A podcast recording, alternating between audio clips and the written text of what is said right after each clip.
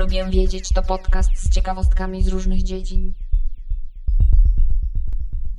Cześć, ja jestem Monika, a to jest podcast Lubię wiedzieć. Dzisiaj opowiem Wam, czemu lubimy pumpkin spice latte. W sumie to nie do końca tak to będzie wyglądało. Właściwie przyznam się przy Wam przede wszystkim do tego, że ja jeszcze nigdy nie piłam pumpkin spice latte. Ani w tej najbardziej znanej kawiarni, która rozpoczęła ten trend, ani nigdzie indziej.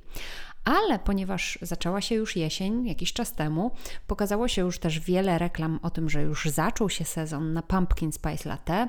Są świeczki o tym zapachu i można znaleźć przepisy na taką kawę własnej roboty, ale na przykład o mniejszej kaloryczności niż ta oryginalna. I to mnie właśnie zaciekawiło.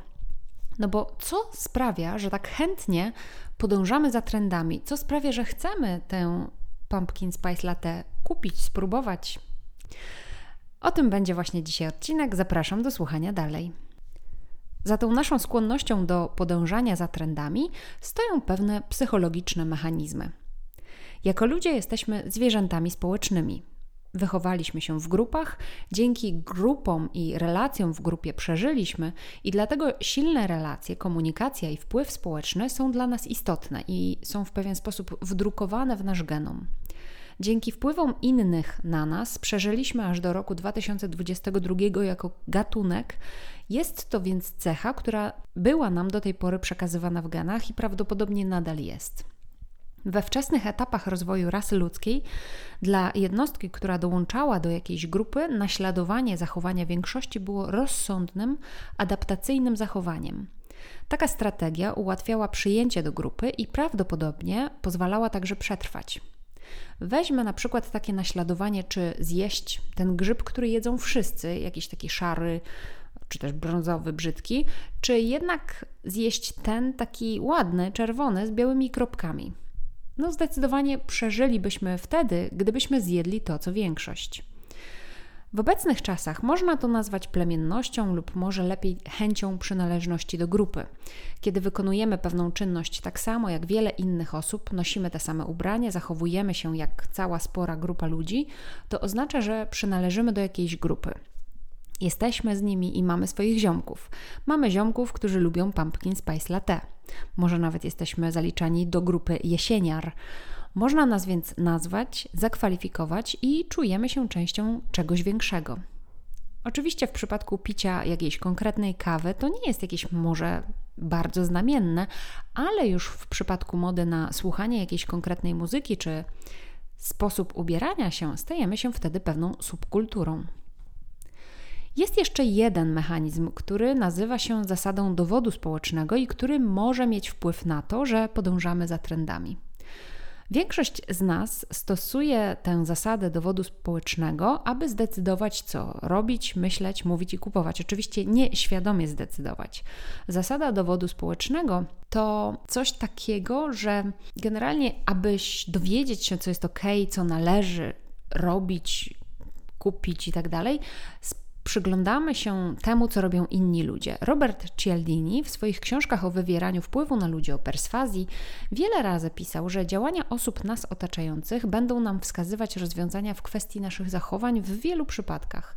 Na przykład, co zrobić z tym śmieciem, który masz w ręku, jak szybko jechać w określonym odcinku autostrady, czy też jak zjeść kurczaka na przyjęciu, ale także jaką kawę zamówić w kawiarni. Dowód społeczny jest skrótem do decydowania o tym, jak postępować.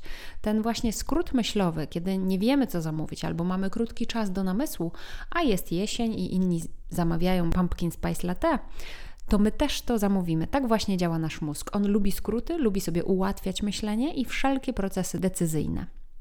Cialdini zrobił kiedyś pewien eksperyment. Jest taki park narodowy, Petrified Forest w Arizonie w Stanach Zjednoczonych i jest to taki las, w którym są ogromne skamieniałe drzewa. Odwiedzający przychodzili do tego parku i widzieli tam znaki informacyjne, na których było napisane mniej więcej tak. Twoje dziedzictwo jest codziennie niszczone przez kradzieże skamieniałego drewna o masie 400 ton rocznie, w większości małych kawałków. W zamyśle strażników parku miało to chronić przed kolejnymi kradzieżami. Robert Cialdini zasugerował usunięcie znaków z jednej ścieżki i obserwował wpływ tego usunięcia znaku. Okazało się, że na tej ścieżce było o 1 trzecią mniej kradzieży niż na tej ścieżce z tablicami informacyjnymi. Odwiedzający po prostu ten znak odczytali jako przyzwolenie na kradzieże. No bo skoro tak wiele się ich dokonuje co roku, to oni też mogą sobie zabrać ten jeden mały kawałeczek. To pokazuje, jak bardzo jesteśmy i działamy pod wpływem innych, jak nasz mózg sobie racjonalizuje różne zachowania, no bo inni też tak robią. Generalnie żyjemy w dość skomplikowanym świecie i każde ułatwienie naszego zachowania, podejmowania decyzji mózg traktuje jako po prostu lepsze rozwiązanie. Dlatego też wybieramy pumpkin spice latte, bo ulegamy tej popularności. Jeśli wszyscy coś kupują, to wydaje nam się, że to może być coś, co jest warte naszej uwagi i może warto spróbować tego, co tak uwiodło tak dużo osób. Poza tym wszystkim, poza tymi mechanizmami psychologicznymi, Pumpkin Spice Latte ma w sobie bardzo dużo jesiennych elementów, no bo zgodnie z opisem na stronie, na przykład kwestia smaku, jest to aromatyczna kawa z syropem korzenno-dyniowym i bitą śmietaną. Dynia to kwintesencja jesieni. Jest to warzywo, które dojrzewa właśnie w okolicach września, października, ma jesienny pomarańczowy kolor, używa się jej wydrążonej na Halloween, no więc zdecydowanie kojarzy się nam bardzo, ale to bardzo z tą porą roku. A z kolei korzenne przyprawy też są bardzo jesienne. W swoim zamyśle rozgrzewają, no i są antybakteryjne.